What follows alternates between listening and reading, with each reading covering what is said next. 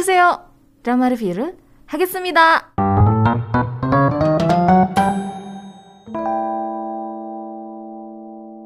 Oke, okay, sekarang saatnya untuk aku bahas satu buah drama yang berjudul The Interest of Love. Ini tuh drama yang diadaptasi dari novel yang ditulis oleh Lee Hyuk Jin yang dirilis di tanggal 19 April 2019. Ya, jadi udah tiga tahun yang tiga empat empat tahun yang lalu lah kurang lebih ya. Drama ini didirect oleh Jo Young Min yang sebelumnya mendirect drama Do You Like Brahms. Jadi ini tuh drama keduanya beliau. Sebenarnya ada satu lagi untuk movie, tapi ini tuh TV movies. Judulnya 17 Years Old Condition. Cuman aku nggak nonton. Kalau Do You Like Brahms, aku nonton depannya doang. Dan setelah dipikir-pikir alurnya agak-agak mirip loh sebenarnya. kan Do You Like Brahms juga punya alur yang lumayan lama ya gitu. Kalau aku nontonnya agak sedikit gregetan. Dan iya kayak agak mirip sih sebenarnya. Uh, writer untuk drama The Interest of Love adalah Lee Hyuk Jin yang juga menulis novelnya. Terus bareng-bareng sama Lee So Hyun dan juga Lee Hyun Jung. Network dari drama ini tuh di JTBC. Kalau misalnya mau ditonton tersedia di Netflix. Episodenya 16 dirilis dari tanggal 21 Desember sampai 9 Februari 2023. Drama ini secara garis besar itu nyeritain tentang para pegawai bank yang terjebak dalam cinta. Jadi kayak masing-masing tuh punya ceritanya masing-masing lah gitu ya. Latar ceritanya di KCU Bank yang lokasinya tuh dekat sama pasar. Dan karena itulah jadi kelihatannya cukup banyak nasabah yang juga uh, penjual di pasar tersebut. Bukan uh, apa ya, bukan bank yang besar gitu. Ini tuh cabang yang kecil ya, tapi banyak uh, nasabah prioritas yang juga jadi nasabah di bank itu. Nah, KCO Bank ini melayani berbagai jenis kebutuhan keuangan. Jadi mulai dari pinjaman atau kredit, terus tabungan sampai investasi. Terus yang menarik di sini tuh kita kayak dikasih lihat juga tugas dari pegawai bank tuh seperti apa. Selain melayani nasabah tadi ya, mereka pun ada ikutan pelatihan gitu. Terus ada juga yang harus nyebarin brosur di jalanan, terus nyamperin ke nasabahnya, apalagi kalau misalnya si nasabahnya ini memang jualan di pasar. Jadi ada beberapa pegawai bank yang jalan-jalan gitu di pasar sekaligus kayak sambil kunjungan lah gitu bisa dibilang ya. Nah di drama itu dikasih lihat Nah, diceritain kalau KCU Bank di cabang Yongpo ini bisa melayani satu harinya tuh nasabah ada 300 orang lah kurang lebih. Dan drama ini juga nyeritain tentang diskriminasi yang nggak cuman uh, sama pegawai banknya aja gitu ya, tapi juga nasabahnya. Jadi perlakuan yang didapat oleh nasabah juga berbeda-beda. Jadi tergantung dari apa yang mereka pengen plus apa yang mereka butuhkan gitu. Nah untuk pegawai banknya sendiri, dan yang jadi pusat ceritanya ini tuh ada yang pertama namanya An Soo Young, diperanin sama Moon Gayong. Diceritain di drama ini kalau dia tuh primadona di kantor karena dia cantik ya. Terus dia pintar, pintar banget. Dia tahu bagaimana caranya menangani para nasabah karena kan setiap nasabah tuh punya sifatnya masing-masing dan kadang suka datang nasabah-nasabah yang cukup unik gitu. dia tuh suka punya caranya tersendiri untuk menangani setiap nasabah. Cuman sayangnya karena latar belakang An Soyong yang cuma lulusan SMA, dia tuh dapat perlakuan yang berbeda. Kasihan sih sebenarnya. Um, padahal An Soyong itu adalah pegawai yang cukup lama kerja di KCU Bank, cuman nggak pernah bisa naik pangkat gitu. Dia tuh ya stuck aja di situ dan nggak bisa ke kantor utama juga gitu. Dia pekerja keras sebenarnya. Dia selalu ngelakuin yang terbaik dia seperti yang tadi aku bilang punya caranya tersendiri untuk menangani nasabah-nasabah yang unik. Cuman yang bikin sedih itu gitu karena dia cuma lulusan SMA diceritain dia nggak bisa kayak teman-temannya atau rekan-rekannya yang lain gitu yang punya kesempatan untuk naik jabatan. Misalnya nih ya, ada satu scene di mana diceritain kalau An So Young itu berhasil bisa mendapatkan nasabah-nasabah uh, paket paket tertentu lah gitu ya. Cuman pada akhirnya setelah berhasil mendapatkan beberapa nasabah yang bisa dibilang kayak nasabahnya prioritas gitu. Pada akhirnya nasabah-nasabah tersebut ditangani sama rekan kerjanya. Jadi kayak bisa dibilang An Suyong tuh cuman buka jalan doang gitu. Sedih banget. Jadi kayak dia dimanfaatin dan seudah dapetin beberapa nasabah, udah memenuhi kuota nih, ya udah dia disuruh kembali lagi ke pekerjaan semulanya itu sebagai teller gitu dan omongan atasannya tuh nggak enak banget memang sih ngomongnya nggak yang bentak-bentak gimana tapi apa ya sedih aja gitu kerja keras yang udah dia lakuin terus by the end yang nerusin rekan kerjanya dan yang dapet pujian gitu ya rekan kerjanya. Sedih banget terus pas atasannya bilang udah serahin semua data-datanya ke si A gitu ya kamu kembali lagi ke tugas kamu ngitung uang. Gitu. Sebel banget deh sama atasannya gitu ya. Nah terus giliran harus nemenin atasannya ketemu klien An Suyong dibawa. Tapi fungsinya tuh kayak untuk menghibur gitu. Kalau di Korea kan ada tuh yang kayak harus nuangin minuman. Nah dia tuh disuruh kayak gitu. Sementara itu kan termasuk kayak uh, secara nggak langsung gitu ya itu termasuk pelecehan juga gitu. Jadi satu sisi dia nggak bisa nolak karena dia bawahan tapi di sisi lain dia juga nggak mau ngelakuin itu ya itulah kurang lebih yang dialami oleh An Suyong di tempat kerjanya nah terus ada satu lagi namanya Han Sang Soo yang diperanin sama Yoo Yeon Sok. Ih gemes banget sama Yeon Sok di sini. Gemesnya itu bukan dalam artian apa ya kayak ih ayo dong gitu greget aja. Dia tuh diceritain lulusan Universitas Terkemuka di Korea Selatan Cuma kinerja dia di kantor itu nggak sebagus yang diharapkan. Ya orang begitu tahu dia lulusan dari universitas terkemuka langsung punya harapan yang tinggi kan, langsung punya ekspektasi, wah kayaknya dia bakal kerja bagus banget nih. Tapi ternyata enggak. Dia malah masuk ke jajaran tiga terbawah yang kinerjanya nggak bagus lah gitu ya. Dia ngitung aja masih suka salah. Makanya atasannya tuh kadang suka negor dia terus bilang gimana kamu mau ngelayanin nasabah prioritas ngitung aja masih salah gitu. Nah, uh, kalau kita lihat dari latar belakang keluarganya, Han Sang Soo ini bukan lahir dari keluarga yang berada dari segi ekonomi. Ya bisa dibilang menengah sebenarnya. Waktu awal dia kerja di KCU, dia juga ngalamin masa-masa sulit. Dia sulit untuk beradaptasi dan ceroboh gitu ya sekarang juga masih ceroboh tapi pas awal-awal tuh lebih parah gitu. Sekarang better lah ya. Dan dia bisa melewati masa-masa sulit itu karena bantuan dari An So Young jadi An So Young ngebimbing terus kayak ngasih satu buku panduan gitu yang dia tulis sendiri ya. Nah mungkin karena itulah Han Sang Soo jatuh cinta sama An So Young An So Young termasuk tipe orang yang cukup sulit dideketin sama cowok gitu. Dia tuh lebih menutup diri tapi ketika Han Sang Soo ngedeketin, An Soo-young tuh malah bisa ngebuka hatinya di awal. Kenapa? Karena An Soo-young ngerasa Han Sang Soo tuh beda gitu daripada cowok-cowok yang lain. Terus uh, An Soo-young juga ngerasa kayaknya kita punya sifat yang mirip nih gitu, punya situasi yang mirip nih gitu. Nah, terus gimana? Mereka pacaran? Tidak. Sungguh greget banget sama couple ini tuh ya. Gemes banget. Mereka uh, nggak pacaran, tapi nggak tahu kalau by the pacaran ya. Nonton aja. Jadi Han Seyong itu tipe orang yang banyak mikir. Dia beneran pertimbangin segala sesuatunya dengan sangat amat hati-hati. Mungkin karena background keluarganya kali ya.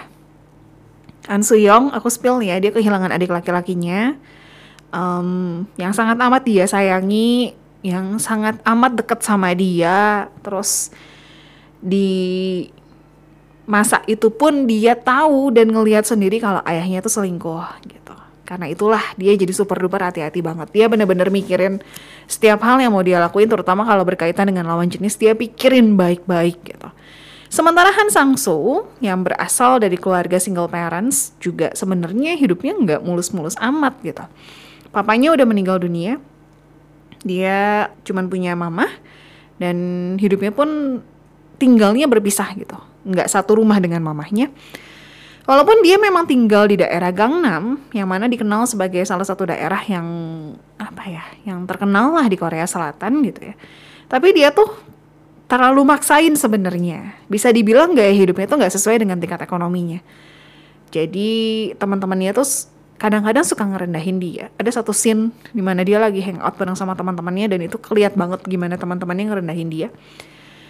Karena itulah jadinya Sangsu tuh suka ragu-ragu buat ambil keputusan gitu. Dan memang orangnya tuh apa ya ababil sih kelihatannya ya kayak kadang A kadang B tiba-tiba kadang A lagi kadang B lagi gitu loh jadi sulit untuk mengambil keputusan tipe kalau orangnya tuh nah inilah yang bikin hubungan Sangsu sama Suyon tuh jadi maju mundur maju mundur gitu aja terus. Kadang wah ini kayaknya udah udah mau ini nih udah mau apa? Udah mengarah uh, kayaknya bakal jadian nih. Eh nggak jadi gitu. Jadi greget sendiri nontonnya tuh gitu loh. Sangsunya ragu-ragu tapi pengen tetap maju, sementara Suyongnya ngelihat keraguan di Sangsu terus mutusin buat mundur. Terus kayak timing mereka enggak pas, dipengaruhi dengan orang-orang yang ada di kantor mereka juga. Ah, pokoknya complicated lah. Terus ada Park Mi Gyong yang diperanin sama Gem Serok. Dia seorang uh, pekerja baru yang baru aja join di KCO cantik banget dan manis gitu dia ramah juga tapi di sisi lain dia punya satu sifat yang sangat tegas terutama kalau itu tidak sesuai dengan prinsip yang dia pegang gitu ya dia akan bisa menyuarakan dengan tegas tapi dengan cara dia sendiri gitu bukan yang marah-marah bentak-bentak tapi dengan caranya dia lah gitu pinter banget dia terlahir dari keluarga yang kaya raya tapi anaknya nggak sombong Walaupun kelihatan hidupnya kayak sempurna banget ya. Bahkan mobil dia lebih bagus daripada mobil atasan. Dan aku bingungnya tuh ya dia bisa yang di jam istirahat dia bisa tiba-tiba pergi ke spa gitu. Pergi pergi pijat atau pergi uh, apa kayak refreshing sebentar gitu loh. Itu hah bisa ya. tapi sebenarnya walaupun memang kelihatannya kayak menyenangkan kehidupan dia, tapi di satu sisi itu dia apa ya? punya permasalahannya tersendiri. Dia pengen nunjukin ke semua orang gitu, apa yang dia dapat sekarang, apa yang dia capai sekarang tuh karena hasil kerja keras dia, bukan bantuan orang tuanya. Cuman sayangnya apa ya, apa pun yang dia kerjain gitu pasti tetap aja dilibatin atau dikaitkan dengan orang tuanya. Jadi misalnya nih dia berhasil dapetin beasiswa ya untuk bisa lanjutin studinya. Tapi orang-orang tuh berpikir gini, kamu tuh mampu kamu tuh punya uang, harusnya kamu nggak ngejar beasiswa, kamu bayar pakai uang kamu sendiri. Harusnya ada orang lain yang ekonominya di bawah kamu, yang nggak sanggup untuk sekolah, yang bisa dapetin beasiswa itu, bukan kamu gitu. Terus kayak dia bisa dapetin pekerjaan dia sekarang, orang mikirnya ya udah itu kan gara-gara orang tua kamu yang turun tangan, bukan karena usaha kamu gitu loh. Jadi kasihan sih sebenarnya gitu ya. Jadi kerja keras yang dia capek sekarang ya selalu dihubungkan dengan background keluarganya ini gitu. Nah Pak Mi Kyung itu suka sama Han Sang Soo karena ngerasa ada kemiripan di antara mereka gitu loh. Cuman lucu aja sih Pak Mi Kyung waktu lagi apa confess ke uh, Han Sang Soo-nya, terus cara dia ngedeketinnya itu sebenarnya lucu gitu. Terus ada Jong Jong Hyun yang diperanin sama Jung Garam. Dia tuh petugas keamanan di KCU Bank Sebenarnya dia tampan. Dikenal banget sebagai seorang petugas yang tampan sekali. Dan dia lagi berusaha untuk lulus ujian kepolisian. Awalnya sih kelihatannya baik ya. Dia tuh berasal dari keluarga yang biasa aja. Uh, dia suka sama... Ntar lupa namanya sama An Soo Young dia suka dari awal dan dia tuh care banget perhatian banget dan apa ya tipikal cowok yang kayak tahu gitu dia harus ngelakuin apa empat tokoh ini sih tokoh utamanya ya. Drama ini plotnya lama banget sekali lagi. lama banget. Cuman bagusnya dari drama ini tuh nggak cuman nunjukin tentang romansnya seperti apa, konflik ketika kamu jatuh cinta, terus uh, udah mau diseriusin, tapi ada banyak hal yang harus kamu pertimbangin, mulai dari background keluarga, terus pekerjaan, udah gitu, apakah kamu bisa apa ya kalau menjalin hubungan kan pasti ya ngobrolnya nyambung nggak nih? Nah hal-hal seperti itu yang juga jadi pertimbangan gitu. Tapi selain dari sisi romansnya drama ini juga nunjukin realita pekerja di Korea Selatan tuh kayak gimana. Sulitnya untuk bisa naik pangkat. Udah gitu belum lagi ada diskriminasi yang dilakukan sama atasan. Udah gitu teman-teman atau rekan-rekan satu kantor yang apa ya kayak di depan seolah kayak mendukung tapi belakang nusuk gitu. Ya sebenarnya nggak cuma di Korea Selatan ya, tapi di Indonesia pun pasti terjadi hal seperti ini gitu. Ada aja gitu ya.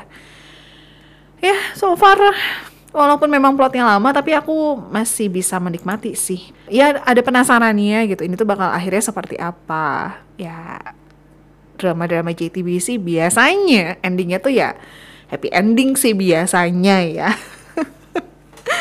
oke okay, kita bahas sih pemeran-pemerannya di siapa aja by the way drama ini tuh di media sosial terkenal dengan sebagai drama perselingkuhan. Cuman aku belum nyampe ke episode situ. Aku nonton baru episode berapa ya? 5 atau 6 gitu. Belum belum nyampe ke part itu. Nanti mungkin mungkin ya aku bakal bikin kalau aku udah nonton sampai beres ya. mungkin aku bakal bikin reviewnya. Oke, kita bahas pemeran-pemerannya ya. Yang pertama Yoon Sok. Terakhir aku nontonin dia di Hospital Playlist kayaknya. Oh enggak ada di Narco Science dia main di situ jadi David Park. Hospital Playlist, udah gitu Dokter Romantic ya, Warm and Cozy dan lain sebagainya dia cukup banyak. Um, ya di sini aku lebih greget aja sih sama karakter dia. Wih gitu. Moon Gayong, Moon Gayong terakhir aku nontonin dia itu di Link It Love Kill. Tapi aku juga nggak beres sih nontonnya belum beres, kelupaan. Terus dia ada di True Beauty, Find Me in Your Memory, Welcome to Waikiki juga dia ada di sana ya, Moon Gayong. Udah cukup banyak sih sebenarnya Moon Gayong. Terus ada Gem Serok. Nah ini yang aku penasaran, dia cantik, cantik banget apalagi kalau senyum, cantik banget. Terus tapi aku ngerasa kayak aku baru nonton dia gitu. Dan setelah dilihat-lihat, iya sih. dramanya dia itu nggak pernah ada yang aku tontonin. Uh, dia tuh pernah main di Marry Me Now. Udah gitu uh, Class of Lies. Jason Exorcist, tapi kan Jason Exorcist itu nggak tam nggak beres kan baru keluar satu episode apa dua episode udah gitu diudahin kan. Youth of Me dia main di situ cuman aku juga nggak nonton gitu. Kalau untuk movie-nya dia udah cukup banyak main di movie tapi sama aku pun nggak nontonin kayak Our Body, kemudian The King's Letters, The Spy Gone North, terus Believer dan lain-lain. Jadi ini tuh memang ya uh, acting pertamanya dia yang aku tontonin gitu. Terus Jung Garam, ini aku gemes juga. Dia tuh yang aku ingat ada di itu Love Alarm yang di season pertama jadi second lead, season yang kedua tiba-tiba jadi first lead. Udah gitu dia main juga di When the Camellia Blooms Terus dia ada di Mistress. Udah gitu kalau untuk movie-nya dia ada di uh, Believer. Hmm. Berarti bareng tadi ya sama si Gemserok. Udah gitu ada di Jopil Hall, The Downing Rage, Beast Clawing at Strauss, dan lain-lain. Sebenarnya di drama ini juga ada beberapa pemain-pemain yang mungkin udah cukup sering kamu lihat di drama-drama Korea gitu. Misalnya kayak Moon Tae-yuk ya Terus ada uh, Jung Jae Sung yang terakhir aku lihat dia itu di uh, uh, uh, uh, Mouse. Udah gitu ada Pak Hyung Soo juga. Ini aku nonton dia selalu jadi antagonis. aku nonton dia di Happiness jadi orang nyebelin. Kenapa ya? Udah gitu uh, ada Isi Hun juga yang udah cukup sering ada di drama-drama Korea gitu. Jadi ya ada beberapa karakter yang pas nonton pasti kamu udah cukup sering lihat mereka gitu.